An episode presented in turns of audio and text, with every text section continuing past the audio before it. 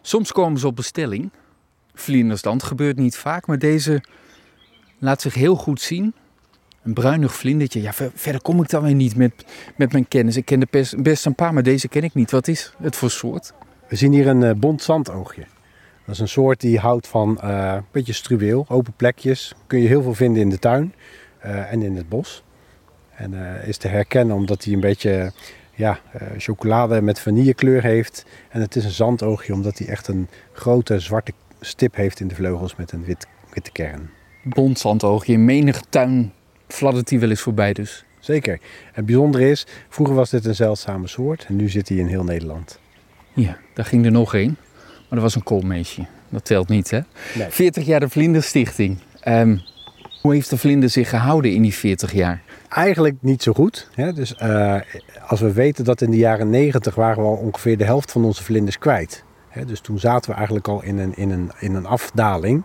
Eh, en die is eigenlijk alleen maar heel hard eh, ja, verder gegaan. En we zien eigenlijk nu de laatste jaren pas eigenlijk een stabilisatie van die populaties. Dat wil niet zeggen dat het dan meteen heel goed gaat. Nee, de afname is geremd. Ook niet zo gek, want verder dieper konden we ook bijna niet voor sommige soorten. Eh, en gelukkig zien Ja, we het ook... kan nog- toch altijd dieper tot het echt weg is, tot het op is. Ja, en eh, helaas zijn er ook al een aantal soorten natuurlijk bijna zover. Eh maar gelukkig zien we ook wel positieve dingen. Ja, dus we zien dat de soorten van bossen, die zijn echt aan het toenemen. We hebben soorten die zeg maar, in de jaren 80 verdwenen waren, echt weer terug zijn gekomen. Denk aan de keizermantel, de grote vos. Eh, bizar genoeg, hè, maar we kennen de kleine vos, een algemene soort. Terwijl de grote vos misschien op dit moment bijna wel talrijker gaat zijn dan die kleine vos. Dus er is echt iets aan de hand. Ja, je kunt misschien nog niet zeggen dat het goed gaat, maar hebben we dan wel dingen goed gedaan? We hebben dingen goed gedaan en dingen verkeerd gedaan. Nou, zo is het altijd. Zo is het altijd. En we hebben dus veel ingezet op herstel van leefgebieden. Nou, dat is denk ik heel goed gegaan. Eh, maar je kunt nooit alles helemaal bij de horen vatten. Eh, de kleine heivlinder raken we kwijt. Waarschijnlijk dit jaar is hij echt weg. Eh, dat is jammer. Maar we zien dat een kleine ijsvogelvlinder, de weerschijnvlinder, eigenlijk weer heel erg toenemen.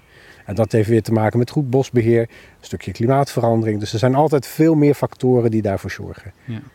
Amber de Vlinderstichting, dit jaar 40 jaar. Eh, dat is een lange tijd. Dat gaat gevierd worden toch op de een of andere manier. Zijn er allerlei activiteiten? Ja, klopt. We vieren dus ons eh, jubileumjaar, 40 jaar de Vlinderstichting. En dat doen we eigenlijk door heel het land. Want we beschermen ook de vlinders in heel het land. Overal hebben we vrijwilligers zitten die voor ons vlinders tellen. eh, waardoor wij dus onderzoek kunnen doen naar hoe de stand van de vlinders is. En we gaan eigenlijk in iedere maand naar een andere provincie. Op één locatie houden we een activiteit.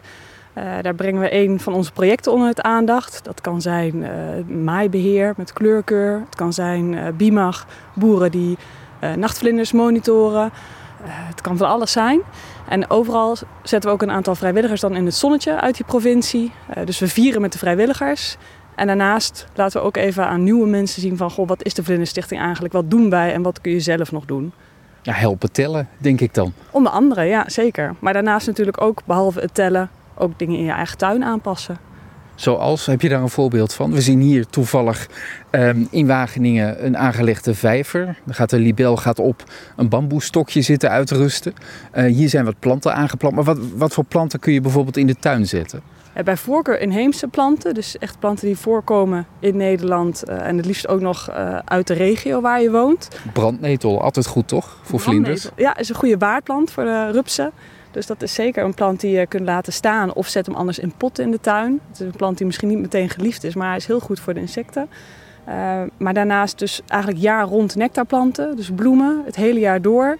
Eh, waardplanten voor de rupsen, ook het hele jaar door. En zorg vooral ook voor variatie. Dus denk daarbij aan eh, lage begroeiing, een kruidlaag, aan wat hogere begroeiing zoals struiken. En heb je de ruimte, plant dan ook een boom of meerdere bomen in de tuin. Want ook dat is gewoon gunstig voor de vlinders.